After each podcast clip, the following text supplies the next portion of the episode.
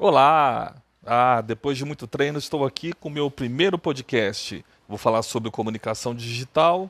Aguenta aí, eu acho que você vai curtir. E não é que eu estou gostando de gravar isso daqui? Agora é só ficar enrolando até, 10 até completar uns 10 minutos. Pronto, a atividade está pronta. Fácil, fácil.